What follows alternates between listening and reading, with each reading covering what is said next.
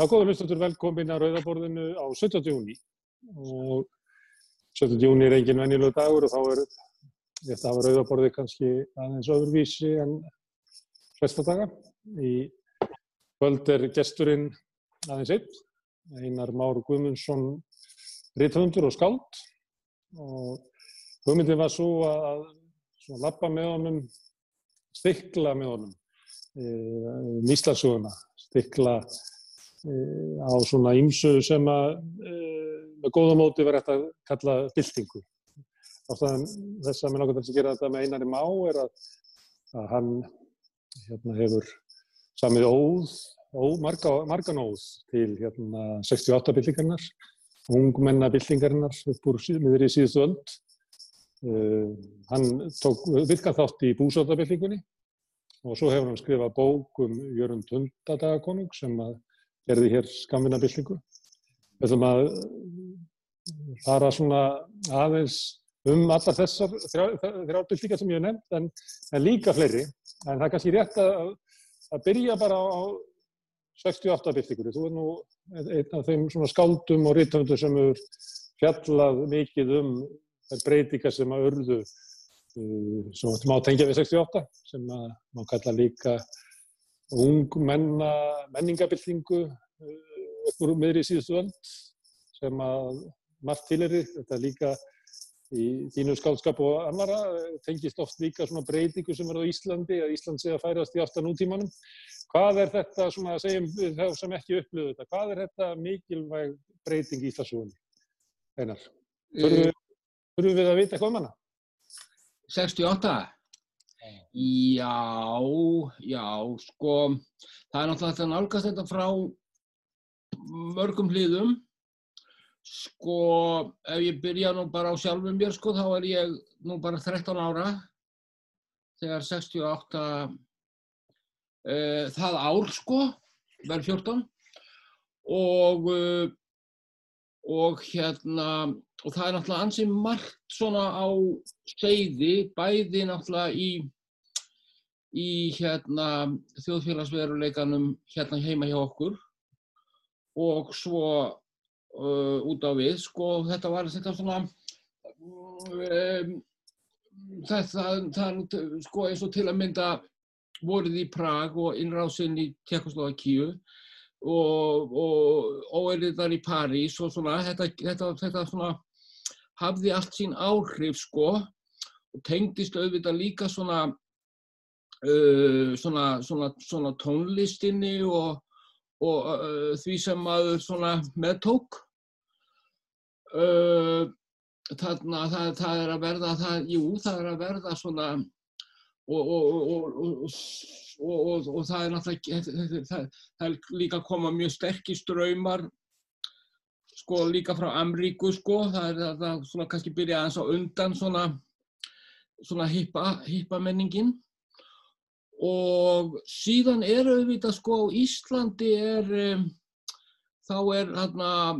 það, það er mikil olga sko á vinnumarkanum, síldin, síldin er horfin og, um, og hérna það er mikið atvinnuleysi og og uh, fólk er að flýja, fara, það, það er svona landflótti, það er, fólk flyttur mikið til Svíþjóðar og til Ástralíu. Og svona, já og svo er þetta náttúrulega hjá, í, í mínu dæmi svona, þetta eru svona alltaf þessi svona, svona, svona unglingsár, maður er svona að breytast og sjálfsagt ofin fyrir breytingum. Og einhvern veginn svona talaði þessi Olga svolítið sterkt sterk til mín sko og, og, og, og hérna maður ma, ma var ekki sjálfur þáttakandi eins og í, í þólasmessu bardaganum og maður, svo, svo, svo, ég, en, en ég man til dæmis daginn, sko, til dæmis mjög greinilega dagurinn sem hægri umferði maður tekinn, það var 27. mæ þetta ár, það var byggt til hægri. Og þá voru sko sem sé herskipin aðna hjá hjá NATO herskipin sem komu, þau voru máluð. Og það voru svona uppákomur. Og þessar uppákomur tengdust auðvitað líka sko að um, tengdust auðvitað líka svona, það var ykkur svona, það var alltaf verða svolítið svona já, hvað er það að segja, svona litskrúðugra og, og hérna, eins, og, eins eins og, eins og, eins og hugirnir væri svolítið að vika út, sko, eins og sást vel í tónlistinni og maður var varfið svona, maður var líka varfið þetta, sko, uh, eins og í listum, sko, Zoom, þú veist svona roska og svona uppákomur, flóki og, og svona það var, það var svona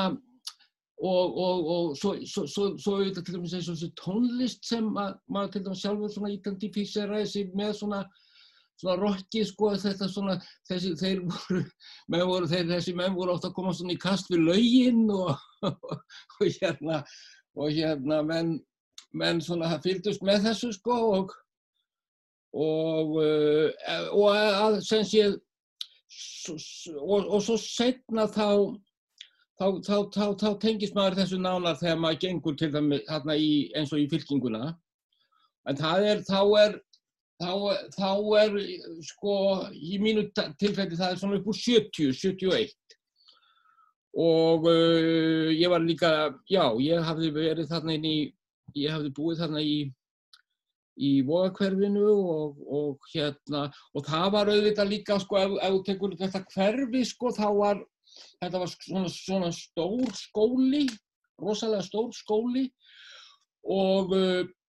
uh, það var sagt sko þegar það var, voru flestir nefendur í skólanum þá hafi verið verið 2000 eða þar, þar um bil og, og það er nú þá bara 1% af þjóðinni var, eða Íslandinga voru 200.000 taldir þá. Og uh, það fór ekki hjá því svona þegar maður fór að hugsa tilbaka sko og maður sæi svolítið svona hvernig sko þjóðfélagslegu anstæðunar speikluðust bara í eins og nefnendunum sko. Það voru náttúrulega bekkirni voru þeim að skipta eftir einhverjum svona sem sé gæðum uh, og þegar þú hugsaður út í það þá var, var þetta nú eiginlega bara svona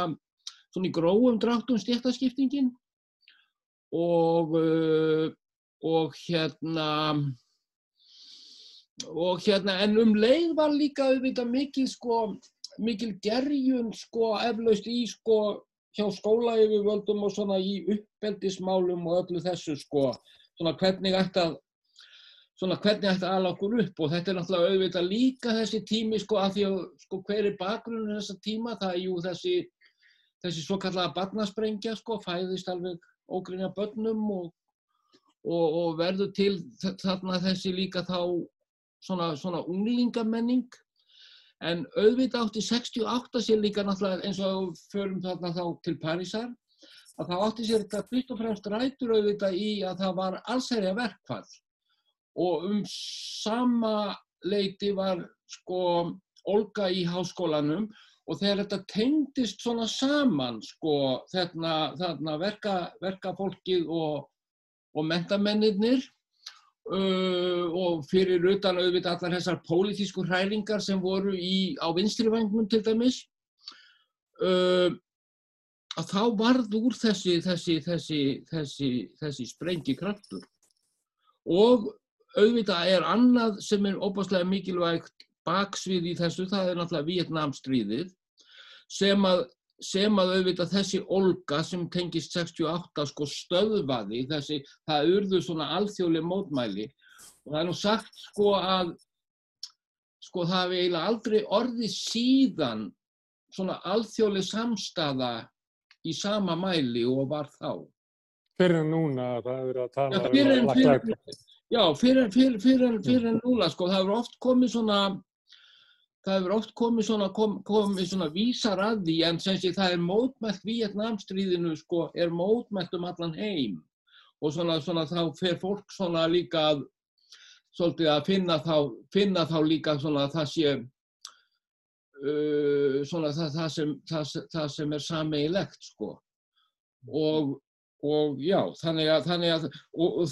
það tengist auðvitað sko Vietnamstríði tengist það náttúrulega að við erum sem sé í NATO og, og það er herstöð og þannig að þetta svona, þetta flettast svona allt saman. Hmm. Er þetta að tala um, eða spurja um hvað er svona ef að segja, pólitísk arfleið þessar ára? 68 og áran á eftir, Já. Vilda vinstrið hérna í Jú, á Íslandi sem að er kannski áttund, áttundi áratúrin líka Já. og er að fjara út svona um það neti. Er eitthvað er Já. spenda á eitthvað hver er pólitísk arfleið þessar tíma eða þinnar kynsluður? Þegar þú ert ungur? Já, sko, sko ein, einmitt eins og þú segir réttilega, sko, þá, þá sprettur upp úr þessu, sko, þá, sko, fylkingin var náttúrulega til, eða sem sé æskulísfylkingin sem upphálega voru svona æskulísamtök sosialistaflokksins og, og, og, höfðu náttúrulega verið til alveg frá 1938 klopna síðan frá sko sosialistaflokknum og alþýðubandalaginu og verður svona sjá- þessi sjálfstæði hópur og verður svona svona daldi ómótaður svona aðgerðahópur svolítið með svona anarkísku ívafi en all, allir ströymar svolítið svona þarna innanborðs. Síðan verða til þessar sko hreyfingar sem svona kendust, voru kendar við máisma og þær voru, þær voru tvær og jáfnvel þrjár sko þetta klopnaði svo uh, ört sko og, uh, og þessar hreyfingar voru auðvitað mjög áberandi á, á einmitt eins og þú segir á þess því sem við köllum 8. áratugin á milli 70, já svona, svona, svona, svona á, á, á þeim áratugi. Og og mm, og hérna það, það er nú erfitt að meta sko hvað og, og sko og þetta er nú alltaf svolítið kannski merkileg spurning sko hvers vegna þetta svona gufar gufar upp svona uh, ég segi ekki jafn snögt og það kom en, en, en sko það, það, það verður líka að hafa í huga sko, Það, það má eiginlega segja að það guð upp því að, að kannski svona þessi rótækni á vinstri arminum náði ekki að hafa teljandi áhrif á meginströmmstjórnmálinn heldur einhvern veginn bara dóu sjálf til hliðarveginn. Já, sko, það voru náttúrulega sko daldið að, að auðvitað þessir, þessir hópar, sko, margir úr þessum hópum sem við nefndum, að þeir gengu sko eins og í alþýðubandalagið eða einhverja aðra flokka eða, eða urðu bara svona uh, sóló, svo, svo er náttúrulega mikið af, sko, sko mikið af, til dæmis, uh, uh, þú veist, þetta fer út í fríðarhefingarnar, herstöðvanstæðinga, uh, úr kvennarhefingin, þarna, sko, það voru til dæmis, sko, í, í fylkingunni, sko, rauðsokkurnar og, og, og, og þær, þær, þær, þær fóru í þá, þá reyfingu, sko, og uh, það var alltaf daldil átök, sko, mann ég, mann ég sem sem snerust um að, að svona þeir sem komu úr, sko, þessu ysta vinstri eins og fylkingunni, að þær voru með þennan bóðskap, sko, að kvennabarátta væri stjættabarátta og, og, og svo voru, sko, en síðan voru held ég í rauðsokkarhefingunni og sem síðan var kvennarhefingin, þær vildu samin einhvern svona breyðari hóp, ég man eftir því og, og, og svona uh, ég held og þarna voru náttúrulega svona, svona konur sem voru daldið svona á báðum vettungum eins og, eins og Guðrún heitin Ömund sko. Og ég man að Guðrún, hún var svona svo fyrsta sem fekk mig, sko, fyrsta skipt sem ég las upp það var held í 1979, svona ofinberlega, á fyrsta mæ hjá Rauðsokkarhefingunni í þjóðleikusskjallarunum og ég held að Bubbi var það líka og ég held, að hann hafi verið að koma líka svona, eh, svona, svona, svona, við vorum svona að byrja sko, maður hafi verið eitthvað og, uh, og sko, og það má segja sko þess að sko, þetta, er nú eflaust bæði sko svona utanfrá og innanfrá sem þessar hreyfingar svona uh, miss, missa, missa flugið sko. Til dæmis eins og fylkingin sko, hún, ég hef nú orðað þetta einhvern tíman þannig sko, því réttara sem menn höfðu fyrir sér, því færri hlustuð á þá. Sko að, að sko, það var alltaf verið að finna sko réttu línuna og svo endar þetta sem sko í sem sé að sko trotskíistar vinna og það gengið í fjórða alþjóðasambandi og svo eru alls konar deilur sko innan fjórða alþjóðasambandsins og átök sko sem að uh, sko, og það var auðvitað, held ég, svona til lengdar mjög, mjög erfitt að, að, að, að sko, fólk væri að lifa sig inn í það, það sko. E, og þannig að sko, mjög margir í, úr þessum samtökum sko, fóru bara svolítið, svolítið, svolítið hver í sína áttina, sko, sömur Sumir fóru að skrifa, sko, eins og Dylan sagði, some are mathematicians, some are carpenter's wives, sko, að þarna sem sé að þarna, já, menn fóru svolítið, svolítið í sín áttina, en ég held að, held að það lifi rosa mikið af, sko, þetta náttúrulega, þetta hafði líka verið, sko, náttúrulega mikið í, í, hérna, stúdentapolitíkinni og það var þetta 68 átti náttúrulega mikinn þátt í að svona breyta skólakerfinu og, og, og svona mm, og gerði það nú sko, svona, svona víðar en hér og jável með meira afgerlandi hætti. Það verður svona svona, svona kem, koma ný fög og nýtt svona kjænsluefni og hérna Síðan verður þetta nú fljótlega sko fara menn nú að gera uppreist gegn þessari uppreist sko. Þú veist eins og í svona, í svona pönginu og fleira og svo, og svo svona pólitíst sko þá eru nú mjög margir sem,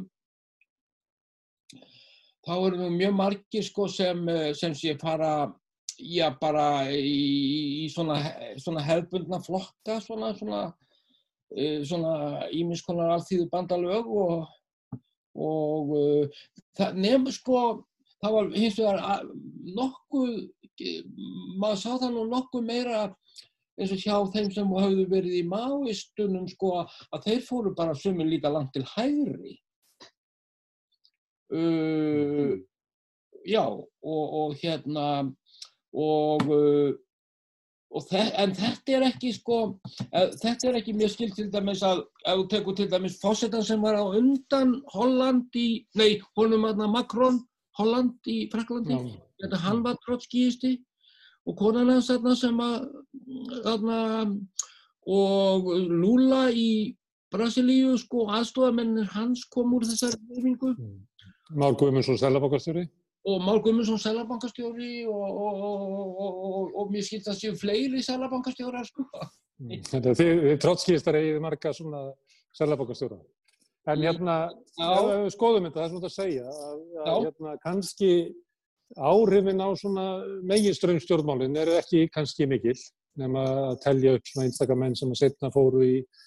í stjórnmál eins og Ari Trösti sittur núna á þingi fyrir Vafti sem að var mikill máist að fóru ekki hér árum árum. En það er, er það ekki kvennarhefingin sem að raunverulega og rauðsugarhefingin sem að raunverulega nær að hafa umtalsverð áhrif á samfélag. Miklu frekar heldur en svona, Jú. ef þetta er spurningi um að kvennabaráti er stjættabaráta, þá var árangur af kvennabarátunni en Jú. miklu minni af stjættabarátunni. Mm, það er, jú, jú, ég held það ef, ef þú tekur þetta svona út frá því, sko, út frá svona þróuninni, sko, síðan getur auðvitað talað um áhrif á, sko, eins, eins og á menningarlífið og, og, og fleira, sko, sem er, sem er svona mynd, það er svo, ég held að sé mikið af þessum áhrifum, skilur, annað, sko, þessi sem þú nefnir, sko, með hvernarhefinguna, þau eru mjög sínileg. En, en, en svo, svo, síðan liggja þræðirnir hansi víða sko, þó var náttúrulega líka, já, eins, eins, eins, eins og í, eins og í þessi baráttan, eins og fríðabaráttan, það var baráttan gegn, sko þetta hérst náttúrulega áfram eins og í baráttan í gegn, sko, hernum, sko, og, og, og þú veist, það voru til dæmis með gegn um, kjarnorkuókninni og, og þannig það, það, það, það var lengi vel alltaf eitthvað í gangi, sko. En svo var þetta náttúrulega líka held ég að verða að segja sko að um, sko já þessar hreyfingar köpnuðu náttúrulega svolítið svona í sínu eigin rifrildi og, og þú veist svona að get ekki að get ekki svolítið svona sem sé uh, tengst út á við og blómstrað sko. Og, og, og hérna og það voru alltaf, alltaf í fylkingunni var alltaf þessi ströymur sko, sem saknaði þú veist svona þessa svona gamla tímabill með aksjónum og dreifibrefum og, og hérna og, og svona uppakomu upp, Svona upp. líkt að fjölrytunar spritti Já, já, má segja það sko. Má segja það sko. En hérna sjöndi áratúrin hérna út í heimi, hann er enginnist af svona uppreysn æskulíðs hugmynda um að stúdendar og verkalýðurinn eigi samleið. En hann er enginni líka af, af réttindabaróttu svartra í bandaríkjunum og kvennabaróttunni og, og þá er spurningin hvort að kannski tími þarna eftir því að ég var að leggja til að kvennabaróttan hefði kannski haft meiri árif heldur en stjættabaróttan Trotskistar hafi komist að því að það væri ekki hægt að stóla á stúdendana einhver tíman hann í fjörðalþjóðsabandinu kríku 1980 að það er það að snúa sér aftur til upprunnans og Petur Tyrfingsson sendur að vinna á eirinni og, og þar hundur gott honum. En, en, en í kjölfari kemur líka réttita bara á samkynneira, aukin réttita bara á fallaðara, aukin réttita bara á fólk með, með geð, geðsjúkdóma, alls konar svona réttinda bara sem að hafði kannski ekki náð að eiga svona fósturheimili inn í verkalýsbaróttunni fram að þeim tíma. Nei, alls, nei, nei, nei, nei. En, en við gætum kannski talað um þetta sem svona mannúðar reyfing eða mannréttinda baróttu byltingu sem á sér stað þannig eftir sem að bara tvistrast yfir í margar kvísling. Algjörlega sko og, og, og það má alveg segja það sko að, að, að, að svona það sem þeir voru til dæmis sko eins og Trotskíistarni sko það sem voru að skrifa í, og í þeirra álíktunum, þá voru þeir mjög meðvitaður um þetta allt, um alla þessar sko, sem sé hreyfingar svona, sem, sem sé eins og, og samkynheiða og, og, og hérna, og réttandabartu svartra og allt það sko. Þetta var allt, allt þarna inn, inn í sko, inn, inn, alveg, alveg inn í því mengi sko. En, en, en sem sé, sko, en það, það, það, það ripnar svolítið frá, sko, menn hafa nú sagt til dæmis um, um, sko, sko, amerískur reyfinguna, það var, sko, að þegar menn mæti á fundi hjá henni í, í bandaríkjum þá veitir menn ekki hverjir séu frá FBI og hverjir, hverjir séu í reyfingunni, sko. Þannig að sko það er líka sko þessar hreyfingar það var ekkert, þeim var ekkert gert alltaf auðvelt að vera til sko. Og, uh, og hérna og Black Panther í, í bandaríkjanum var bara offsótt, uh, Malcolm X og mæg mikið að frelsis setjum bandaríkjanum voru bara myrtir. Að og Ronald Reagan setti þjóðvarlið á hippana í San Francisco og og var hetja hægri manna fyrir vikið, þannig að það var mætt úti allavega af umtalsverður hörku og raunverulega kæft niður. Og kannski Já. má finna líkiti með því og hvernig var raunverulega tekið upp við Occupy Wall Street sem er upprist, sem er mætt með mikill í hörku og, og, og brotið niður bara með ábeldi. Já, já. Mm. Já, já, og, og einmitt og algjörlega sko, þannig, þannig að þetta, þetta Það, þannig að svona, svona sögulega séð sko, þá hangir þetta allt svona saman sko, með einu með öðrum hætti. Og það er náttúrulega alltaf sko, það er náttúrulega alltaf þegar að sko, þú veist þegar að blossa upp einhverjar uppreysnir sko, þá, þá horfa þær alltaf aftur til einhvers tíma, skilur við. Alveg eins og þegar þú sást þarna uppreysnina sem var á Tolkiens himneska friðar, skilur við, hún hafði svona hún bara svona keim af sko, þú veist, eh, svona, svona hippabildingunni og 68 óeirðunum. Í Prag, í Prag, Prag hún var eiginlega líkt því. Já, og, og, og, og þannig, mætti sko, þannig að, þannig að þetta, er, þetta er náttúrulega, sko, þannig að þetta mætti segja þetta svona, sko, að þetta væri svolítið svona dialektíst á þann hátt að þetta, þetta virkar, virkar svolítið hvert á annað, sko. Og, en, en það, það var þetta merkilega sko eins og þegar það sko var komið eins og þegar það var komið hérna sko í sko búsahaldabildingunni þegar var verið að sko að þá var maður ekkert mikið varfið að þessa arleið sko um, fyrir utan að, að voru náttúrulega margir sko róttækir og, og en, en þá fannst manni svona oft vera sko þú veist, sko, fólki sem var að koma, það var einmitt að koma úr svona samtökum eins og, eins og, eins og þú nefndir áðan, sko, og, og líka úr svona, myndi maður að segja, jável svona tólspóra samtökum og hérna það sem að, sko, þú veist, sko, já, og einmitt, einmitt, einmitt reyfingum kannski, sko, sem, voru, sem höfðu með svona geðmál að gera eða, eða, eða hérna eða það sem menn höfðu svona verið að svona uh, já, já un, un, verið svona einhvern veginn að taka á sínum málum sko. Henni tvístruðu mannúðar bara áttu nýfrálkyngu árana. Já, al, já en ég, ég ætla aðeins áður í hleypir í búsaldabillinguna þegar ég bakka aftur að við vorum að tala um stjættabarátuna sem er þarna í 68, mjög rótaki flokkar sem að sækja til Marx-Leninisma ymsar útgáfur honum en sem að kannski eftir á að higgja þegar maður horfir í það, þá er þetta ekki blóma tímabil verkalýsbaróttu og árið sem að fylgja þar á eftir. Og má ég að halda því fram að upp úr þessu þá fari verkalýsbaróttuna að dopna, ásmundur eru orðið fórseti ASI og, og leiðir til þjóðasáttasamninga sem eru eiginast ekki af sko, stjættabaróttu eða það sem kemur, kemur þess svona stjættasamvinna og, og, og, og hérna talaðum sko að það komi meira svona sko sérfræðingarnir fái meira veldi sko það er meira að koma aftur sko núna þessi Já. aktivista tími Já, þá ætla ég nefnilega að fara aftur í svona aðra bildingu og fara að leita að uppruna eitthvað sem við getum kallað kannski verkalýsbildinguna. Það er alltíðsambandið stofnað 1916 Já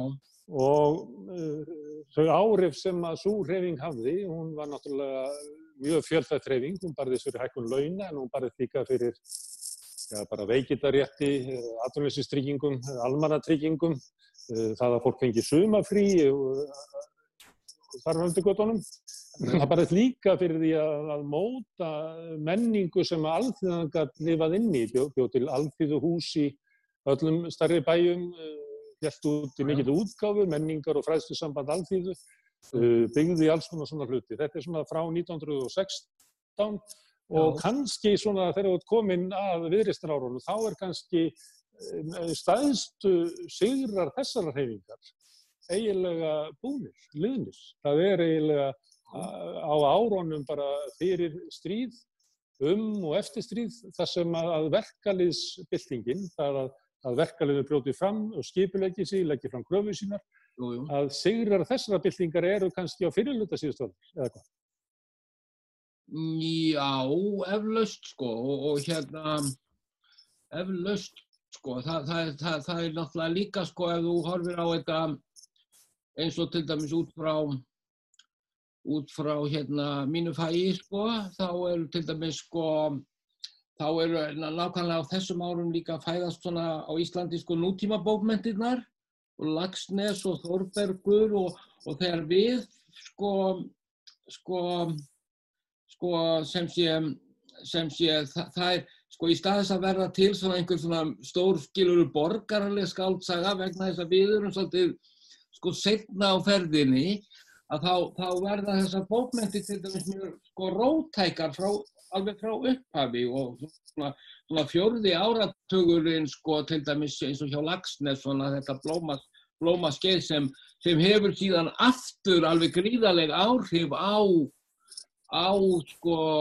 hugsun og heimsmynd fólk sko.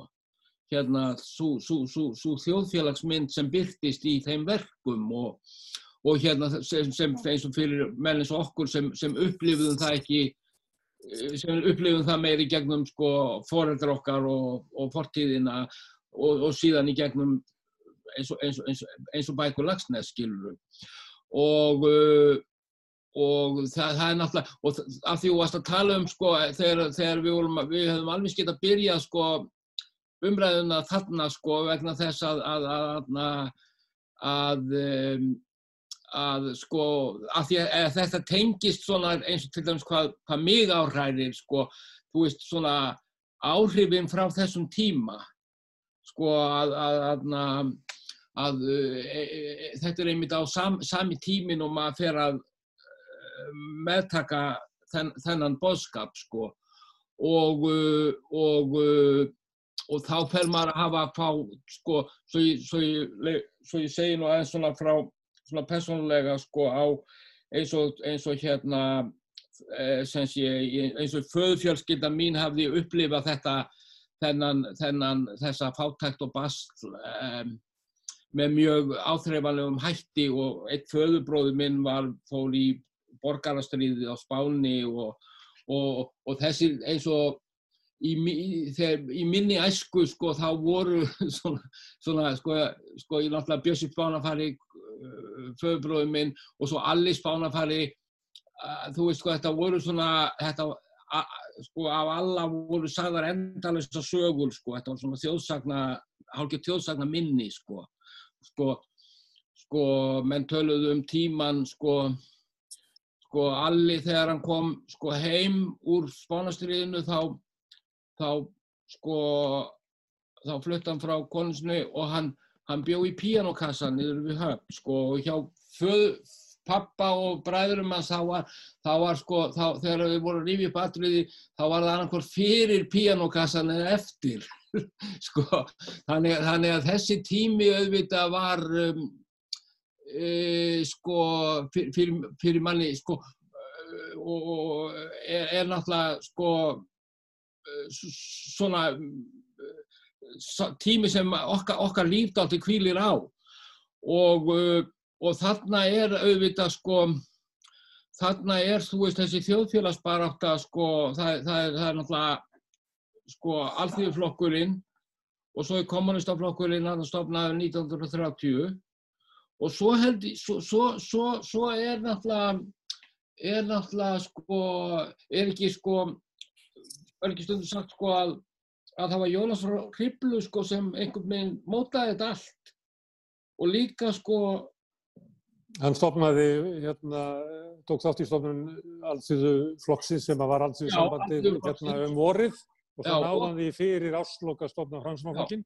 já, og hann bjórum, segjum að hann hafi búið það til, að, að það leiti til þess að Framsunarflokkurinn náði raunverulega völdum með stuðningi alþjóðflokksins á þriði Já. áratugnum og hann Já. þurrkaði út sagt, þau stjórnmál sem borgarastéttin hafði áður hérna, geta haldið völdum á í í Íslandi og sjálfstæðisflokk, eða, sem sagt, borgaralegi hluturinn þurfti að endurskipilegja sig og endurskipilegja sig í sjálfstæðisflokknum sem var stofnað 1930 minnum og Já. það tók hann sko tíu ár að, komast til valda þannig að, að þessi, ef Já. þetta hefur verið tryggs á Jónasi, að þá hafði það gríðarlega, gríðarlega raflega. Já, stjórnina vinnandi stjætta og, og, og, og hérna og þa- þarna er auðvitað, þú veist, sko, sko, þú veist, það, þarna er auðvitað að gera stopposlega mikil þjóðfélagsþróun á stuttum tíma, skilur einhverjum tíma, tímar, sko, og hérna sem síðan, sko, sem síðan náttúrulega sko svona kulminerar á vissan hátt sko í, í, í stríðinu með, með náttúrulega ennþá betri launakjörum og, og, og, og, þá um leið svolítið svona upplaust sveitana og, og, og hérna Flutningu sveit í borg og uppbyggingu vóakörfisins Já. stíls. Já, þá þar kemur vóakörfi, þar, þar, þar, þar, þar, þar kemur það, það til sögunar sko. En að því þú varst að tala um áðan hvernig svona tímar tala hvort við annan og að búsátabildingin hafi ekki kannski verið að, að tala við 68. 68, þrátt verið sko sigra að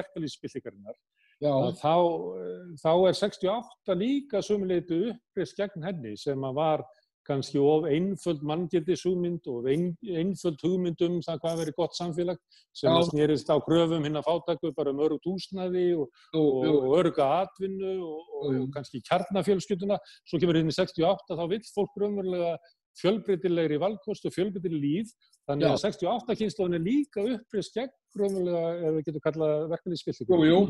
Þá verður, þá verður náttúrulega uppreist gegn aldrei svona ákveðinni þröngsýni til dæmis eins og í Fraklandi í kommunistaflokkunum og, og, og allt þetta. Svo er náttúrulega líka hægt að horfa á þetta þannig að sko, sko eftir líka setna stríð sko þegar að ansbyrnurhefingarnar hafa, hafa sigrað fasismann að þá eru rótæku öflin í samfélaginu svo sterk. Það munar eiginlega engu til dæmis að eins og danski kommunistaflokkurinn sé bara með meiri hlut í Danmörku og sama með þann franska í Fraklandi og óttin við, skilur við, óttin við þessa byltingu, út úr því kemur þetta hérna kompromí eða þessi sátt sem við kallum velferðarkerfið. Það er að segja, það er að segja sem sé borgarastjettin eða borgarlöfnu, þau, þau gefa eftir en, en ég held að, held að sem sé í ljósi þess sem og síðan hafa átökin snúist um annars vegar að, au, að auka þennan ávinning og, og, og, og síðan fyrir borgaröflin að ná honum tilbaka. Og, og já, og sem, hérna, sem að er bylting nýfrjálsvíkuna sem að já, við kannski ætlum ekki að ræða núna en er sannanlega bylting, það er eiginlega gaggbylting borgaræðstéttarinnar, það er nýfrjálsvíkuna. já, og það var einmitt að því út að tala um sko, þetta, þú veist, sko, það, það sem var oft, sko, það sem til dæmis einkendi, sko, rótæku öflin, að því þú segir, sko, þú veist, þetta var oft, sko, hafði snúist um baráttuna fyrir, fyrir frumþörfunum, fæði og húsnæði og, og, og, og, og, því, sko, það hefði líka, sko, ríkt, skiluru ákveðin, sko, þröngsýni oft í þessum flokkum, svona eins og gagvart svona menningalegri fjölbreytni og, og, hérna, og hinn og þessu, sko, þannig að það verður svolítið svona, og, samanber, sko, þú veist, en, en það er ekki beint, sko, kannski, það er ekki beint hérna eins og Norðurlöndum, sko, sem að, sko, kommunistarnir fá þetta hlutverk að, að, að, að, að, að gegna þessu sögulega hlutverki heldur frekar bara jafnaðamenn, sósjaldemokratarnir og þá er nú alveg þekkt þessi hérna sko, þú veist þessi barátta þeirra fyrir sko verkamannin sko komast í raðhús og eignast Volvo og skiluru og, og, og svo kemst svo einhvern veginn barátta á einhvern þann leiðarenda sko sem að sem að sko sem að, sem að fer síðan að hóla undan sko undan líka sko undan, undan jafnaðamönnunum sko. Þeir missa svona tökin á sko þeirra fólk verður svona svona kannski svona værukjært búið að sko svolítið búið að ná þeim, þessum árangri og það, það hefur verið oft verið sko, sko þú veist verið gaggrínt sko með, með um, sósíaldemokratana sko hvað sko þrátt fyrir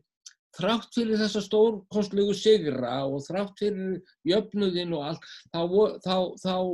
þá, þá, ríkti ákveðið andleysi. Þess- Þessa gaggrinni sko hefur, hefur, hefur þannig, að, þannig að þeir náðu ekki einhvern veginn að halda fólkinu sko, af því að það vantaði sko, það vantaði þennan sko, þetta hefur oft verið svolítið svona, þetta hefur oft verið svolítið svona, uh, sko, já, af því að þetta er nú kannski maður ve- verið svolítið problemið í, sko, í rótæku hreyfingunni, sko, að hún hefur oft, oft, oft, oft verið, sko, uh, uh, verið í einhverju menningu, sko, sem, sem, sem, sem er í rauninni íhaldsum, skiljur við, Mm. og, og, og, og, já, Allavega ljóst á þessum árum þá tókst ekki sósjaldemokrátum á Norðurlöndum eða sambarlegu flokkum í Evrópu og, Breitlandi.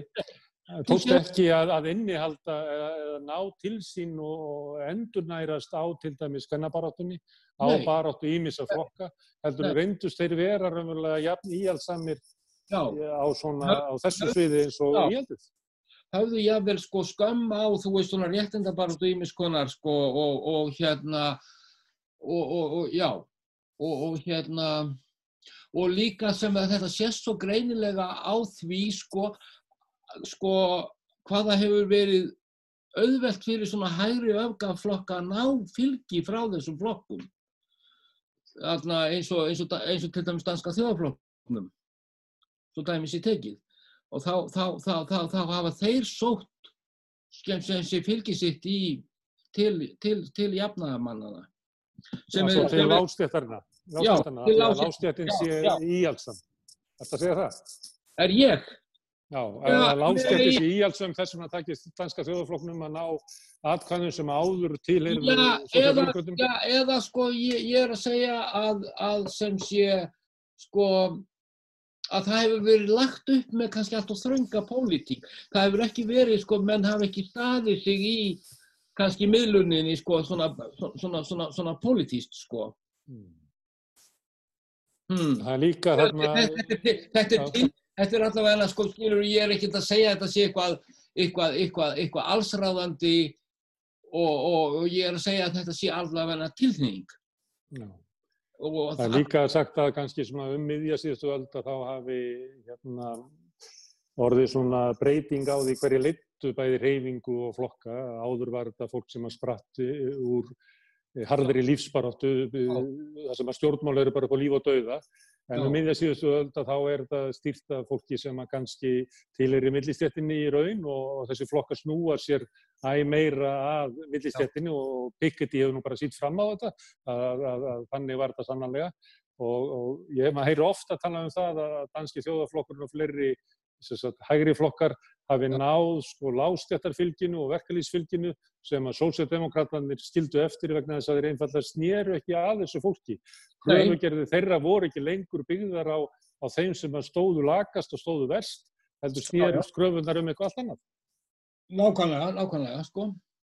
Nákvæmlega, sko, það sem verður, verður, verður, þetta er náttúrulega líka það sama og og segjum samfélkingin var gaggrínt fyrir í hruninu sko, hún hafði, hún hafði ekki, ekki beint máli sínum neitt til, eh, til verkafólks. Og, og ég pröfa að spyrja þig að einu áður en við tölum um búsáttabildinguna, ef þú skoða tímana sem eru núna, því að núna, kannski sérstaklega eftir svona COVID, að þá er Já. meira rætt um sko að, COVID drægi fram stjætta munin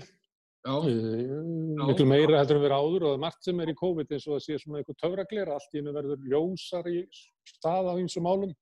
já, já. Sem, þegar að segjum að okkar samtími núna horfir aftur uh, hvort heldur hann horfir meira til 68 því að það vísa til þess að aldrei hafa götur bandarkina logað eins mikið síðan þá eða til hérna kannski það sem við vorum að tala um áðan sem svona eins og verkalýðspiltingu fyrir hluta hérna 2000-aldar sem að lagði fram kröfur um að, bæta kjör hinn að versettu. Erum við, að horfa á báða? Erum við að horfa aftur á báða? Já, við, ég held að við séum að horfa, horfa á, á bæði sko. Ég held að til dæmis sko réttindabaratan núna horfi líka mjög mikið tilbaka til réttindabaratunar á sjönda áratögnum sko. Og ég held að eh, sem sé alveg eins og þú segir sko COVID hefur varpað opastlega skýru ljósi á stöðum mála og, og, og sem sé sko og, og það sem þú hefur sko þar sem þú hefur svolítið skiluru sko borgarlegu öfli sem segja að nú, nú, nú hafi menn samfélagi ekki efni á, á, á þessu og þessu og þessu skiluru skera niður kjörinn og, og, og, og fleira og fleira. Og svo, svo, svo, svo sérðu sko hittjónamiði sem segir sko það er ekkert annað í stöðunni en, en, en, en jöfn, jöfnuður við þessar aðstæður, skilur við, af því að, af því að, að,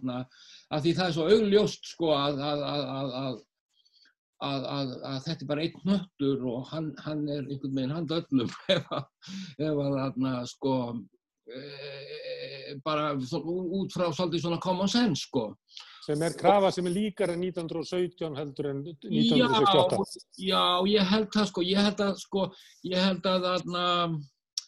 ég held nú samt sko, ég, ég held að oft sko, þú er sko, sko, það, það, það er ofta erfitt að sjá það í núinu, sko, hvað það er, sko, ég held eftir nokkur ár þá sé hægt að þarna, þá sé hægt að sko því að, því að sko þú eru líka að það sko að í þessu samengi að 68 horði náttúrulega mjög mikið aftur til 1917 og, og, og önnur bylting sem, sem var náttúrulega mjög sem var náttúrulega mjög áberandi þá sem var menningabildingin e, eh, kýmverska sko að, að sé, þessi, þetta sjónami þó að, þó að sko sagan hafi síðan kannski sagt að það hafi verið má sem held í alla þræðina en þá, þá, þá var þetta sjónamið sko að valdi kæmi frá fólkinu, valdi kæma neðan og þessi svona þessi svona taka, taka hlutina svolítið svona í sko í eigin hendur. Og, og, og það liggja auðvitað alveg þræðir sko sko bæði auðvitað í sko í pólitíkinni aftur til þú veist svona þú veist eins og svona hreyfingar eins og anarkista hreyfingar þær eru náttúrulega alltaf til staðar. Og svo líka sko hvernig, hvernig, hvernig var hort á líka á, á, á sko bara 1917 og, og, og, og byltinguna. Og ef þú tæk, tækir þetta til dæmis út frá svona eins og bara eins og eins og hérna þetta er svo, skýrt oft sko þegar þú horfir á þetta eins og í listum sko eins og futurismin sko hvernig hann gengur aftur í, í, í, í svona öll völd til ímyndunarapsins í 68 byltingunum og svo, svo í svo í sko svo í pönginu sko no future og allt þetta sko þannig að, þannig að þetta er sko og það eru alltaf meiri sér alltaf til sko uh, svona alls konar minni samtök eins og til dæmis situasjónistar sem, sem, sem, sem hafa, hafa verið til alveg rosalega lengi og, og, og, og svona, hafa svona, svona rækta þessa hefð. Þannig, þannig að sko ég held að það sé svona mjög, ég held að, ég held að, ég held að sko svona, svona tíma, sögulegi tímar sko, þeir tímarnir tali, tali alltaf saman. En það er alveg rétt hjá þau sko, það er alveg rétt, rétt sko að, að, að sko að þessi svona brínu vandamál sem eru sko bara eins og, eins og hérna sko sem sé atvinnuleysið, uh, skorturinn, uh, húsnæðisvandræðin, sko þetta eru rosalega svona sko svona konkrétt vandamál skiluru sem, sem, sem, að, sem að ég hef held að eigi eftir að tengjast inn í þetta rétt, þessa réttindabaráttu, þetta er ekki, þetta er margt fleira þarna á segði en en, en, en, en mótmælinn sko gegn laurugluofbeldi sko. Það, það, það, það er svo, það er það er það er svo mikil önnur mikil ólga Mikið svona réttlætist krafa á göttum. Það er mikið krafa um réttlæti og, og, og, og þegar við tölum um þetta núna og erum að tala um hvaða við hvað eigi að miða svona í sögunni að þá held ég að það sé bara sko kannski er það frelsið en kannski er það kreppa að það er að lítið að miða við sko, þú veist, það er ekki þessi gömlu fórustu öll sem voru til, þessi stjórnmálaflokkar og svona, þeir hafa ekki þessu, þetta sama hlutverk að gegna, skilur þú, eins og segjum eins og ungt, kannski rótækt fólk, það er ekki að sko ganga í stjórnmálaflokka alveg eins og, segjum eins og 68 kynsluðin, hún fór allir í, í nokkra flokka, skilur þú, eða það var pláss fyrir, fyrir þessar hugmyndir þar, að einhverju leiti sko. Má ég aðeins slóta inn að því að þú segðist vera 13 ára 1968, þá hvar síldin og var svona þokkalegt efnaðs áfall, en já. síðan lifðir þú eiginlega ekkert svona teljandi efnaðs áfall fyrir en bara runið 2008 og svo erum við núna að ganga inn í annað 2020, þannig að, að fólk sá sem að var 13 ára hérna, 2008 Já. hann er 25 ári í dag og er að fá sko aðra kreppu og er búin að fá á skömmu tíma uh, margfald sterkari högg í hausin heldur að þú fjast hann að 68 heldur að þetta hafi árið að hérna, raunverulega hafi kannski þín kynnslóð raunverulega verið að há svona réttindabaráttu inn í samfélagi sem að hafði inn í sér einhverja leiðir til þess að jafna þau út á meðan að núna er kapitalismin svo klikkar og geðveikur að hvers skipti sem að kemur kreppa þá bara meiðir hann og meiðir og meiðir. Já, já, já, já, já. ég held að, ég held að, held að það, þetta sé, eins, eins og hattræðingarnir segja, sko, þetta er einn sviðsmyndin,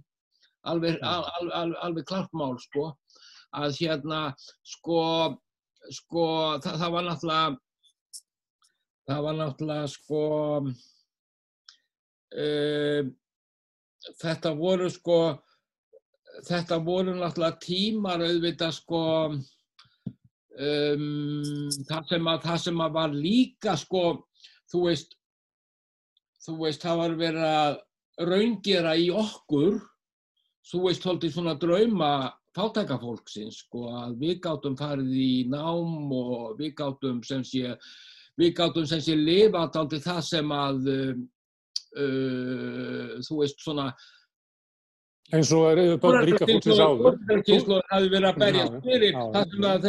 þessi, þessi harkalega verkalýsbaráta. Sko. Þú kannst vera að leita sjálfuður einar, þú kannst að leita sjálfuður eða ekki, bara sem ungu maður. Þú kannst í nám til kaupmanandar að leita sjálfuður. Þetta gæti ekki nefna allra ríkasta fólk áður. Hæ? Já, nei, Þetta já, já, já, ég meina á 19. öld skilur, ég meina það er al, al, almenningur sem fer, fer, fer ellendis í nám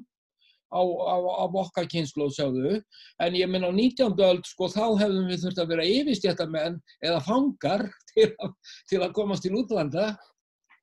Já. Mm. Mm. Þannig að, Ok. þannig að þetta, er, þetta er alveg, þetta er mjög, uh, mjög áhugavert sko og ég, ég, sko ég, er, er, er þetta ekki eitthvað með það að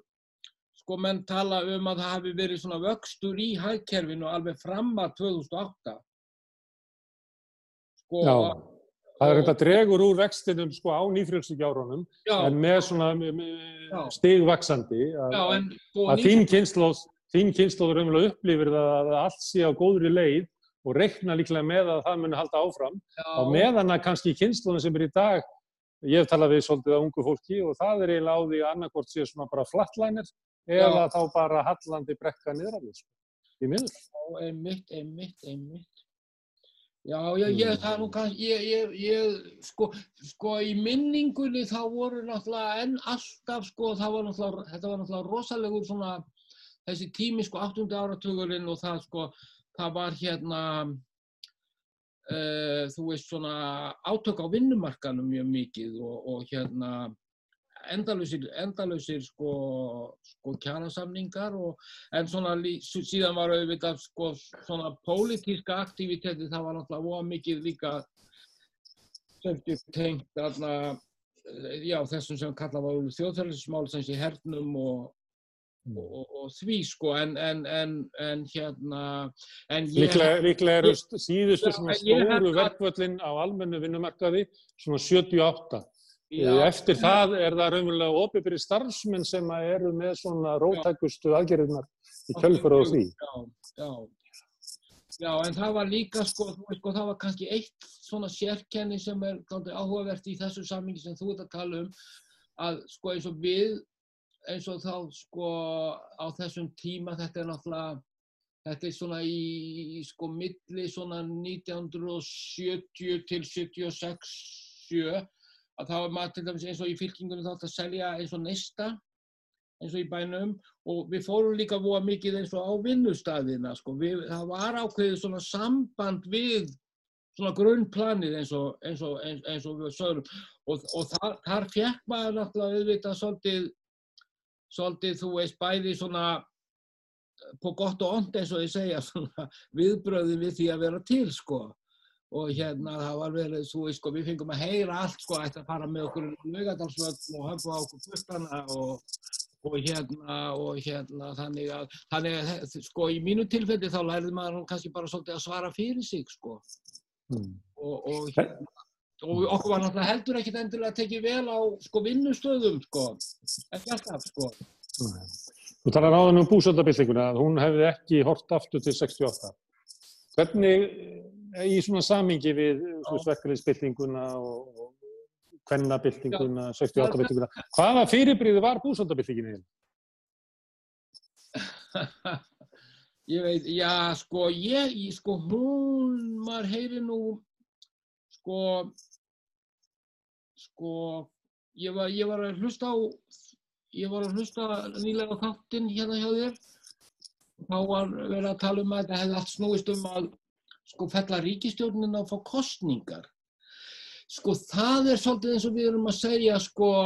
eins og réttindabarastan í dag sko, það, sko það, það, það var kannski yfirborðið. Og og hérna mm, sko ég held að sko ég held að stærsti lærdómurinn af af hérna búsáhaldabildingunni það er að segja ef það eru ef það er til eitthvað sem heita lærdómar að þá þá varum sko þegar það var verið að tala ég man ekki hvort að hún átti uh, tíu ára ammali eða hvað það var þá var verið að tala um þetta í þinginu. Og þá voru sko flesti stjórnmálamenninni saman um það að þetta mætti ekki endurtaka sig og hvað var það sem ekki mátti endurtaka sig? Jú, að það var að gefa eftir. Og það, það, og það er að segja sko stóri lærdómurinn af búsáðabildingunni er það sko þetta er hægt. Það er að segja fjöldin fólkið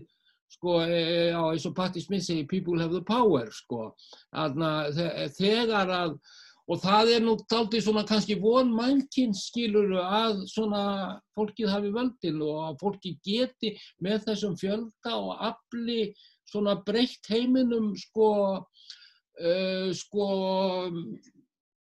já, ég maður vonar á sem friðsamastan hátt en það, það er nú kannski fátt sem bendir til þess að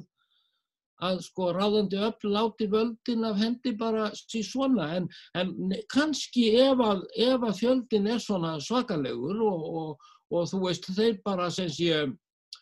sem sé stjórnin sem þá var við völd, hún, hún gafst bara upp og búðaði til kostninga og það var kannski auðvitað sko, það má segja að það hafi auðvitað sko að eruðu kostninga það stabiliseraði svona ástandið sko. Og, og hérna en, en sko, þá, þá er líka þess að geta sko að ég held að ég held að uh, svo sko búsaldabildingi var náttúrulega meira svona uppreist og uppþótt eða þannig þetta var ekki, þú veist sko uh, þetta var þetta, þetta, þetta, þetta var svo sjálfsbrottið sé, og, og þú, þannig, að, þannig að það var, það var erfitt að henda reyður á sko hvaðan þetta kom og líka hvert þetta fór og, og, og þannig að það var til dæmis engin, sko, það var ekkert svona stjórnmála afl sem leitti þetta, sko, eins og, þú veist, eins og einhverjir framsóknarmenn eða miðflokksmenn heldur að Álfeyður Ingadóttir hefði stjórnaði sig gegnum síma. þú, veist, þú veist, það er svo, sko, það veit allir það, sko, hvílik steipa það er, sko. Þannig að búsafabildingi var kannski lík bara grænubildingun í Íran gegn þegar hérna keisarinn fór og þá voru bara alls konar hópar í uppreist og kom ekki farfugur fyrir hann að kominni kom og stálbyltingunni og kannski má segja að Sigmundur Davíð hafi verið sá sem kom inn í Íslands, það er stóli byltingunni. Já, já, sko, þetta er aldrei sko, þetta er aldrei sko, sko, sko, það er, það er alltaf aldrei þessi tilneying sko þegar við erum að tala um þessa, tala um söguna og þú veist svona, sko, hverjum er þetta að kenna, uh, hverjum er þetta að þakka, þú veist eins og þegar menn, sko, þú veist, sko, það, það segja að margi, sko, þetta sé Ólafur Ragnar í grímsin að þakka með æsseif og svona, en sko, skilur, sko, það var fólki sem let Ólafur Ragnar Grímsson gera þetta, það, þetta var ekkert, sko, einhver hugd þetta sem Ólafur fekk til að vera sniðugur. Sko eins og, eins og menn hafa látið sko, líka andstæðingar Ólafs hafa látið þarna liggja að að hann hafi bara verið að gera þetta til að auglýsa sjálfan sig og eitthvað svona. Sko, þetta, þetta, það, það er svo mikil, sko, það er svo mikil, sko, uh, það, sko, sko, þjóðfélagsumræðan er ofta á svo lágu plani, sko, að, að, að, að það er verið, sko, og að, og, þegar að vera svona að gera þetta svona, að personin gera þetta á þennan hátt, að þá er oft hort fram hjá sem sé kröftunum sem ráða, það var, það var alveg bestastæður þegar þetta til dæmis þarna, það sem þeir skipulögðu þarna, einmitt Sigmundur Davíð og félag In Defense og, og fleiri sko og það var alveg gríðarlega öflug sko upplýsingaveita og síðan var bara fjöldin ekkert á því að, að borga þessa skuldir. Mm. Það var kærtum málsins og Ólafur bara hafði, hafði, hafði þau eiru til að hlusta, hlusta á það sko. Það er oft, uh, það er eins og þjóðin fá ekki að hafa sitt kredit í því að hafa uh, felt æsef, hafa felt ríkistjónir, það er oft verið að reyna að eigna þetta einhverjum einstaklingum. Já, þegar það, er einmitt sko, þegar eitthvað miklu meira liggur á, á bakvið sko. Mm. Og ofta, oftast er það þannig að sko ráða fólk gerir aldrei góðan hlut nema uh, eftir mikinn þrýsting frá líðnum. Já, ég svo... kannast ekki Ég kannast ekki við mörg dæmi um svona góða stjórnmálamenn sem að koma fram einhverju góðum málum fram eh, raunverulega á þess að neitt sé að byggja um það. Sko. Nei, nei, þetta nei, nei, þetta, þetta, þetta, þetta hefst allt með, sko, með, með baráttunni og það er einmitt aldrei, sko, og þar, kom, þar komum við kannski að, um, sko, þegar ef það er hugsað út í, sko, baráttunni í dag og, og, og sko, hvað, hvað hún er oft svolítið svona eins og við vorum að tala um eins og í tengslum við búsáhaldabildinguna og, og margt sko, hún er, hún er, hún er, hún er, hún er svona sjálfsbrottinn og hún er í svona, líka í svona hópum og sko, og þegar það gerist eitthvað skiluru að þá er ofta erfitt að þá er ofta erfitt að skiluru sko að vera á staðnum til lengdar. Það er ekkert svona kannski apparat eða skipulag sem tekur við fólkinu. Og, og, sko, sko, og það er alltaf gert svo mikið úr mótmæla aðgerðum hjá fólkinu, eða sem sé það fólk stendur eins og fyrir utan á Östuvelli eða, eða, eða það. En sko þegar þau mótmæli hætta þá byrja mótmælin að inni sko hjá hagsmunaaðilunum og fleira. Og ef þú tekur líka hitt sko hvað, hvað sko samfélagið eða sem sé, sem sé auðvald samfélagið uh, er vel skipulagt. Það er með sín hernaðabandalag, sína lögreglusveitir og, og alls konar efnahagsapparöð uh, sko Uh, sem, sem, sem funda eins og í Davos á hverju ári og, og, og, svona sko og er, er að pæla í, pæla í málunum og þannig að, þannig að þetta er óbúslega ójableikur sko mm. en, en hins vegar er það náttúrulega sko hins vegar er, er, það, er það líka sko þú veist að þetta, þetta gamla sko að, að, að að, að, að e, sko, já að þegar að í, þegar að fræðikenningin er til fjöldans þá verður hún efnislegu vandi eins og einhver spekingurinn sagði mm. og hérna þannig að, að þannig að þannig að sko sko eins og ég sagði á hann sko lærdómurinn af búsáldabildingunni það er bara e þetta eina sko þetta er hægt það er hægt við getum bara við getum sko, við getum aðna, það er hægt að setja af ríkistjórn eins og að drefi síkaretum sko. Ok, það verður enga breytingar nefn að líðurinn hérna knýðar fram. Og þá, og einn maður getur ekki, einn ráðamaður getur ekki leitt fram byltingu. Og þá erum við eiginlega komin að fyrstu byltingurinn sem við ætlum að tala um sem er bylting Jörgundar hundadakonung sem er einmitt til raun eins manns án mikils fylgi. Það var ekki líður á göttunum sem var að heimta þessa byltingu. Hvað, hvað, var, hvað var það í Íslandsugunni, bylting Jörgunda hundadákunum? Já, sko, já, þannig að það, þannig að það, það er, væri líka aldrei erfitt að tala um líð á göttunum, sko, því að það voru, sko, undir um 500 manns í Reykjavík. Og það voru svona náttúrulega líka, þar, þar var hérna ennbættisvaldið og og, og, og svona eh, en, en, en og Jörgundur hafði sko áttamanns í sínu herliði en það voru hins vegar fullt af mönnum sem af einhverjum ástæðum sem sé lísti við stuðningi við Jörgund og Jörgundur kemur hérna sko með eins og við vitum með ennskum kaupmönnum. Og þeir eru að nýta sér sko það að sko hvað Danmörk er veik í, í Napoleonstríðunum sko, það er búið að kveiki kaupmannahöfn og, og englendingar búin að taka af þeim flotan og, og þannig að, þannig að þetta, þetta, þetta, er, þetta er mjög veikt heimsveldi á þeim tíma. Og, og þeir koma og ætla að brjóta niður, þú veist, þetta að við megum sko það er búið, að vísu búið að afnema sko einoguna vestlunina en en samt megum við ekki vestla við aðra sko en Dani sem sé á þeim tíma. Og þeir koma með hellinga varningi og vilja vilja vestla og vilja líka kaupa eins og tólk og, og hérna og þeim er meina það. Og þá sitta þeir sem sé trampi greifa frá völdum og svo er það spurningin hver átaka völdin. Og sitta jörund og hann og hann, eh, hann sem sé að því menn segja sko hann tekur sér konungsvald, hann, hann gerir það ekki að neinu öðru leit en því að hann orða brefin svona eins og kongar gera, talar um vér sko, talar um sjálfan sig í fleirtölu. Og, eh, og hérna uh, og síðan gefur hann út sko alls konar yfirlýsingar um, um uh, hvað ég að gera. Og það er aldrei skrítið sko sem bendir til þess að þetta hafi nú ekki verið sko einhver sjálfsbrottin bylting sem gerist á staðnum því að þeir eru með alveg svona yfirlýsingar og skrautlegraða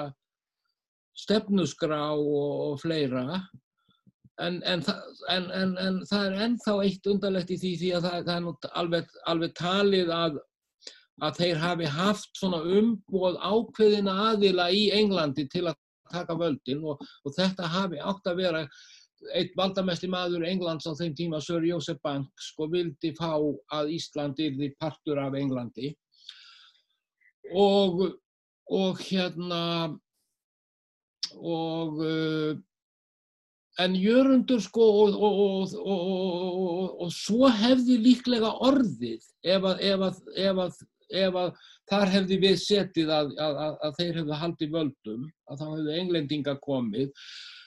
en, en sko í yfirlýsingunum sem Jörgundur var með að það stóð allt annað í þeim en englendingar vildu. Það er að segja að þetta var miklu nær sko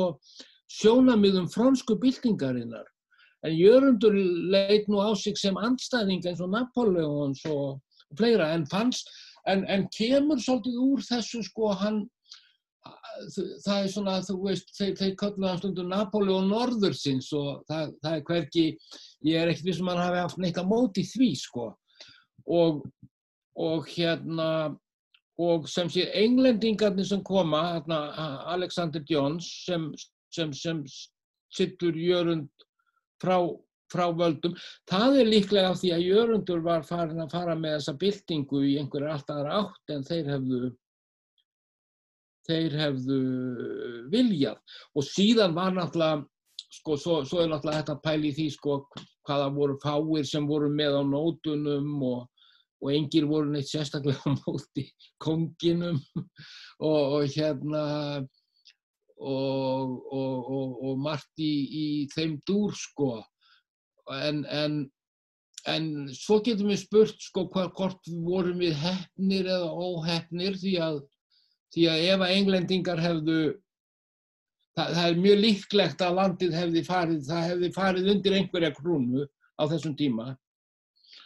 að, og ef að það hefði verið svo enska þá er nú ekki alveg þá getum við nú ekki verið alveg öryggjar á við sætum hér og töluðum íslensku Nei, þá hefur orðið svo eina skólasegum bara Já, jável Já. Hugsa, hugsa, sko við vitum ekkert um það en það, það, það, við, við höfum hverki annar staðar einhver dæmi um það að englendingar hafi virt, þú veist, þessi einhverja menningarlega sérstöð og svona. Mm. En, en, en, en sko, en á þessum tíma er náttúrulega upplýsingastefnan, þetta er náttúrulega skömmu eftir, sko, þú veist, þetta er í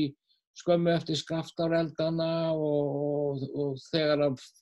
þegar að voru sem sé 15 þjóðarinnar dó og og, og, þetta eru svakalegi tímar sem eru búin að vera þó að sko heimildir geti nú líka um alveg ótrúlegt ríkidæmi samanbjörn Óla aðna, aðna, hann aðna út í viði í amtmannin Magnús Steffensen ekki Já, ekki Magnús, það er Ólaf Pappans. Ólaf Pappans, já. Það sem við borðuðu átta rétta máltíð. Já, hann átti sko jarðir út um allt og, og, og hafði mig, menn nótuðu svona kreppur, þú veist, til að, til að kaupa jarðir fyrir, fyrir flikk og,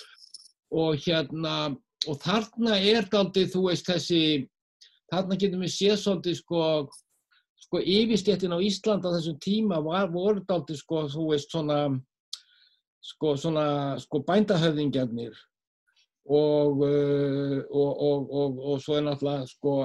embætismannavaldi og konungsvaldi sko. en sko, alveg eins og við vorum að tala um áðan þegar, að, þegar, að, þegar umræðinni leitt út í eitthvað svona að, að það séu einstakki menn sem gerir hlutina af því að þeir séu svo snjaflir að þá hefur, hefur líka umræðan verið svolítið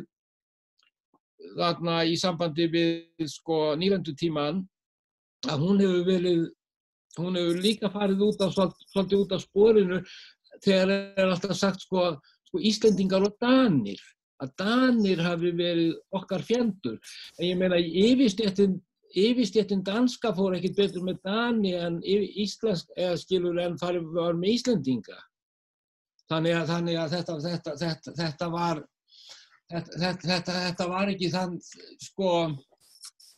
eh, já, þetta var ekki, ekki, ekki, ekki sko um, sem, kjarni málsins var ekki þessi sko að þetta væru tvær þjóðir en það skildu menn þetta alveg að held ég á þeim tíma að við tilhefum sko danska ríkinu og og hérna Ok. svo, svo En- við, ef við erum já, má ég spyrja um arfleiðina, arfleið byltingar jörgundar hundasákunum. Hún er ekki mikil. Íslandíka svona, við erum gæmt að henda gaman af honum. Hann er ekki byggin alvarlegur, hann er svona grínfígúra í Íslandsugunni. Er það vegna þess að með nóttuðust byltingaraflið og hann er skrifaður svona frekar niður? Já, hún, sko, þetta er mjög áhugaverð verð pæling, sko. Af því að, sko, þegar þetta gerist 1809 og þú sér, sko, eins og fjölnismenn, þeir kom ekki fyrir um miðja öldina. Fjölnismenn, þeir vísa aldrei til jörundar, ekki svo ég viti um. Og, uh, sko, yfirleitt var náttúrulega, sko, hér var yfirleitt bara talað um hann sem, sko, skilur uh, þú veist svona, svona einhvern svona va- valdaræningja sko á, á, Svolítið svona eins og alþjóðumæður sem að val- valdi stígu til er svona eins og jepp á fjalli eða eitthvað. Svoleiðis Já, skiptir. jú, jú, Já. eh, sko, jú, jú, og, og, og, sko, það er ekki fyrir en, sko, ég held að sé í um aldamótin, sko, þá fara einhverjir að, að, að, að, að, að endumeta byltinguna, fara, fara, fara, svona, svona, svona, svona í, sko, í svona í ljósi, sko, þjóðfrelsisbaráttunar. En síðan verður hann líka, svo kemur þetta svona þessi, sko, eins og okkar tími, sko, við fáum alltaf þessa myndi gegnum, í gegnum eins og Jóns Árnason og, og þú veist þetta sé svona seilor og, svona gleði og, og glens og, og þetta er, allar þessa myndir eru kannski einhver svona, svona partur af myndinni. En síðan voru það líka held ég voru það auðvitað anarkistarnir, sko einhverjir í búsáhaldabildingunni sem vildu sko, taka fánan hans jörundar. Það var hann sem átti að upphaflega að fara upp á þinghúsi þegar bögsfánin fór svo. Þannig að, að þannig að sko, já, hún, sko, þetta er auðvitað, þetta er auðvitað svolítið svona, þetta er auðvitað svona merkilegur atbyrður í Íslandsögunni Mm. algjörlega og, og hluti af hluti af uh, sko af því sem er að gerast þar á heimsvísu sko þetta eru þessi tímar sko þegar að einmitt sko þú veist svona uh, þú veist þessar ráðandi stjettir er að missa tökin og, og það byrtist til dæmis á Íslandi byrtist þetta þannig að nákvæmlega á þessum tíma að þú veist að fólk verður svona, það, það tala um að komi svona los, það, það, fólk hættir að hlýða, það tekur ekki yfirvöldin lengur alvarlega, það leggst í flakk og flakk er bannað og alls konar svona. Og þá koma upp svona ímiskona mál og menn, menn, menn, menn rífa kjaft við síslumenn og, og þú veist, sko, það, það, það, það, missir svona um, svolítið málið sko. Og það var kannski svolítið svipað og gerðist að einhverju leiti sko í búsáhaldabildingunni og, og þessu sko að þetta kerfi allt þetta tungutak sko eins og hagfræðingana og, og, og lögspekingana og stjórnmálamannana þetta tungutak misti svolítið lögmæti sitt sko. Það, það, það, það var eins og að það föttuðu allir sko, sko, það var allt í lægi að segja að þú botnaðir ekkert í því hvað þið væri að segja. Einar, má ég að spyrja þau um enn eldri byltingu sem að, ég veit ekki hvort þú eru hugsað um, sem að er uh, þrælar hjörlufs sem að gerðu uppreysn og rápu kvalara sinn. Hvað, þetta er ekki menn sem eru hátt skrifar í Íslandsugunni? Þóttu þetta sé eiginlega fyrsta frelsinsbaróta Íslandinga? það sem er upprist gegn hérna, kúnarvaldinu. Kanntu skýringar á því okkur við höldum ekki hérna duffsags dag hverju ári til að fagna þessari frelsisitju? Já, kona mín er nú frá duffþekju í. En um, já, ég, það, það, þetta er sko, sko, þetta sem hefur verið að gerast núna hefur alveg sett þessi máli í nýjan fókus sko. Við höfum allir, allir sko, það var allir sko hugsað þetta, þú veist, þetta með, með þræla Ingól sem voru að leita súlunum og, og svo þræla Hjölleifs og, og hérna, og, og hérna, uh, og það er alveg sko, það er alveg hérna, og það er alveg sko býr ein, einhver staðar í, í öllum þessum sögum sko sko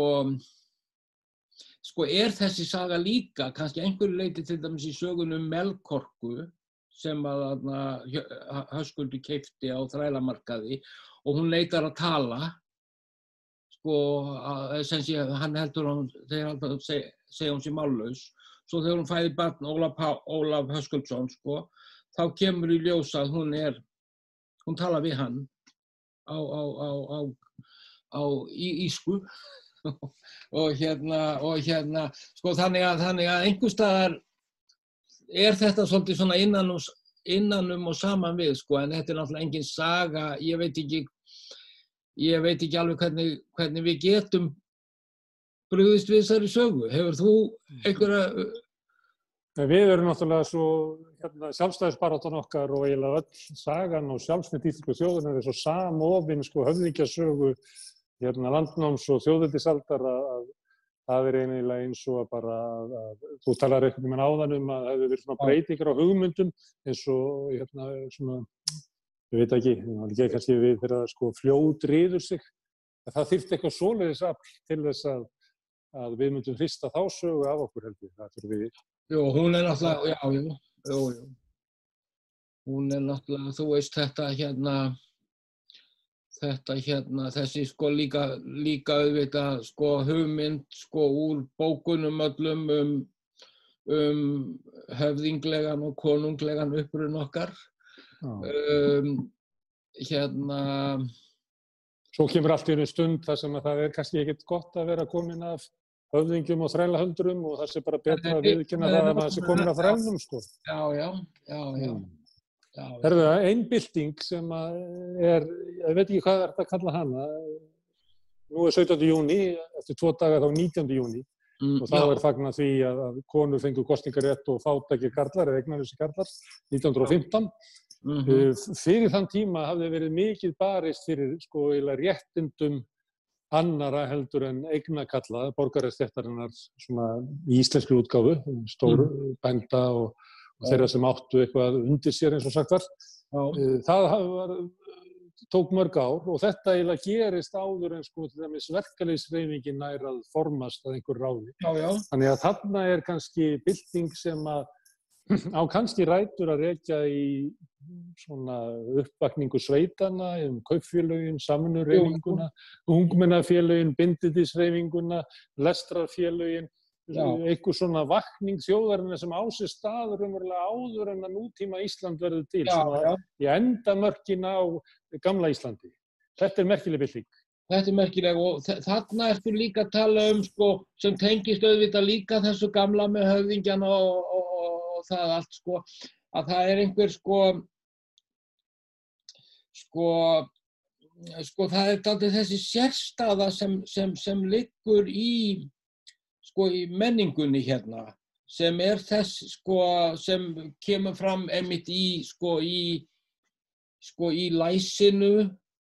Og menn hafa stundum sagt að söðfjárrækt sé mjög góð til sko andleira yfkana, það sé svona rólegt á veturna og og, og hérna svona í gegnum söguna sko. Og svo, svo, svo hafa menn líka líkt sko það kemur, svo kemur svona, svona eins og upplýsingastefnan og menn hafa líkt sko eins og baðstofumenningunni þú veist þannig að, þannig að það verður sko það verður ekki þessi hérna eins og eins og, eins og er, er nú svona oft undirstilgar það verður ekki þessi svona afmennskun uh, alþýðunar sko í, í sko þannig að þarna sem, sem, sem, sem, sem gerir það, þú veist, að sko verkum til að mynda sko, þú veist, þetta sem stundum er talað um sem er nú kannski að, eitthvað að breytast, þú veist, þetta með að það hafi ekki það hafi aldrei orðið svona sko, menningaleg, eins mikil menningaleg stjættaskipting hér eins og víða annar staðar sko. eins og að þú hugsaður út í það til að mynda ef þú til dæmis í Englandi að þar myndur ekki hafa sko sem sé þú veist sko það, þú veist hverji lesa bækur sko það, það, það er, er ekki það er ekki reikna með að láskettirnar lesi til að mynda. Um, og ef þú fer til til dæmis Söður-Amríku sko inn í bókabúð í Argentínu eða Uruguay þá kostar bækur alveg sama og, og hérna skilur við en, en, en, en hérna launin aðra, aðra nöðsynjar vinna. Já. Og sko og, og, og þú veist og þannig að þetta þú veist sem að menn hafa velt fyrir sér og uh, þú veist að sko og Lagsnes var nú stundum að pæli sko að þetta skiptingin náða ekki beint upp í hausin og það er kannski líka svolítið svona ákveðin, ákveðin svona von, von í því líka sko þannig að, þannig að eins og þetta, þetta sem þú ert að segja sko þessi réttindabaróta sko hún fer fram sko í samfélagi einmitt sem það sem hún kannski ætti ekki að fara fram Nú er 17. júni hérna við erum búin að vera að fara yfir hérna Íslandssugunar og mm. ótrúlegt baráttu sem að ótrúlega mikill fjöldi fólks hefur lagt á sig til þess að búa hér til skaplegt samfélag. Þegar að vera að ræða Íslandsuguna, hún er ekki alveg á þessum nótum svona sem að maður heyrir í átíðaræðum og svona, það sem hefur verið að minnast sko baráttu verkefælsrifingarnar, það að sjálf það sem maður heyrir bara baráttu fólks fyrir kostningarétti fyrir utan svona kostningarétt hvenna en, en ekki mikið um baráttuna sjálf að fjalla. Uh, við erum ekki töm að tala um, við tölum frekar um eins og við höfum alltaf verið sammála. Að, að raunverulega samfélags er ekki byggt upp á baráttu einstakra hópa fyrir réttlæti, heldur frekar eins og við höfum alltaf verið meira og minna sammála og við erum alltaf í sama báti og við erum alltaf vissum hvert við ættum að sigla. Það, það er alltaf er ekki þannig. Já, já. Jú, jú, það er alltaf oft líka, oft líka verið að tala um að sko við í mótvindi sko, þá séum við best sko, þú veist að það, það er ábyggilega líka komið svona moment sko eins og í sambandi við við hérna hamfarir og fleira sko þar sem, að, þar sem, þar, þar sem við erum einhvern veginn í sama báti sko. Og uh, og hérna um, þannig að sko skiluru sko um, sko sko míturnar að það, er eiga náttúrulega alltaf einhvern veruleika á bakvið sig. En, en auðvitað hefur sko sko ég, ég sko auðvitað hljóta þessi hluti sko núna það er einhvern veginn miklu meiri hreyfing á á sko sko ég held að þeir tímar sem við höfum verið að lifa núna að, að það er svo margt að breytast inn í hausnum á okkur sko uh, sínin á svo marga hluti sko breytist miklu hraðar sko. Þú sér kannski á milli 5 1950 og 70, segjum bara, tökum sem svona, að þar var alveg hægt að halda sömu 17. júniræðuna, skilur þú? En ég held að þetta sé að breyta, sko, nú þarf að fara að taka til því til samfélagið er árið fjölbreytilegra og þú veist, sko, uh, sko, fleiri hópar kominir á mælendaskrá og, og þú veist, sko, það verður bara, þú veist, að, að vera alltaf að tala um um, um, um, um hérna, þessa, þú veist, svona sigurreifu forfeður eða þú veist þetta sama, gamla, þessi gamli orðaforði sko, hann, hann, hann, hann hættir að svara til veruleika, skilur ég, og, og ég held að við séum að í, í rauninni í mjög frjóu ástandi sko, hvað þetta allt varðar. Það er allt til endur skoðunar og líka Íslandsagan Einar Már, ég hérna, við erum runnið út á tíma. Ég þakka þið kella fyrir mjög áverð eh, spjall og stikla svona í gegnum Íslandsóðuna. Þakka þið kella fyrir að koma til okkar. Hlustundur, þakka ég fyrir að hlusta á okkur. Eh, gleðilega þjóðótið. Eh, við sjáumst hérna aftur á morgun. Þá munum við vera að ræða um svipað hluti, kannski ekki svona í sögulegu ljósi, heldur meira nær raunmjöleikunum sem er hérna úti akkurat í dag. Við sjáumst á og þakka ykkur kjallaði fyrir að sitja hér í kvöld.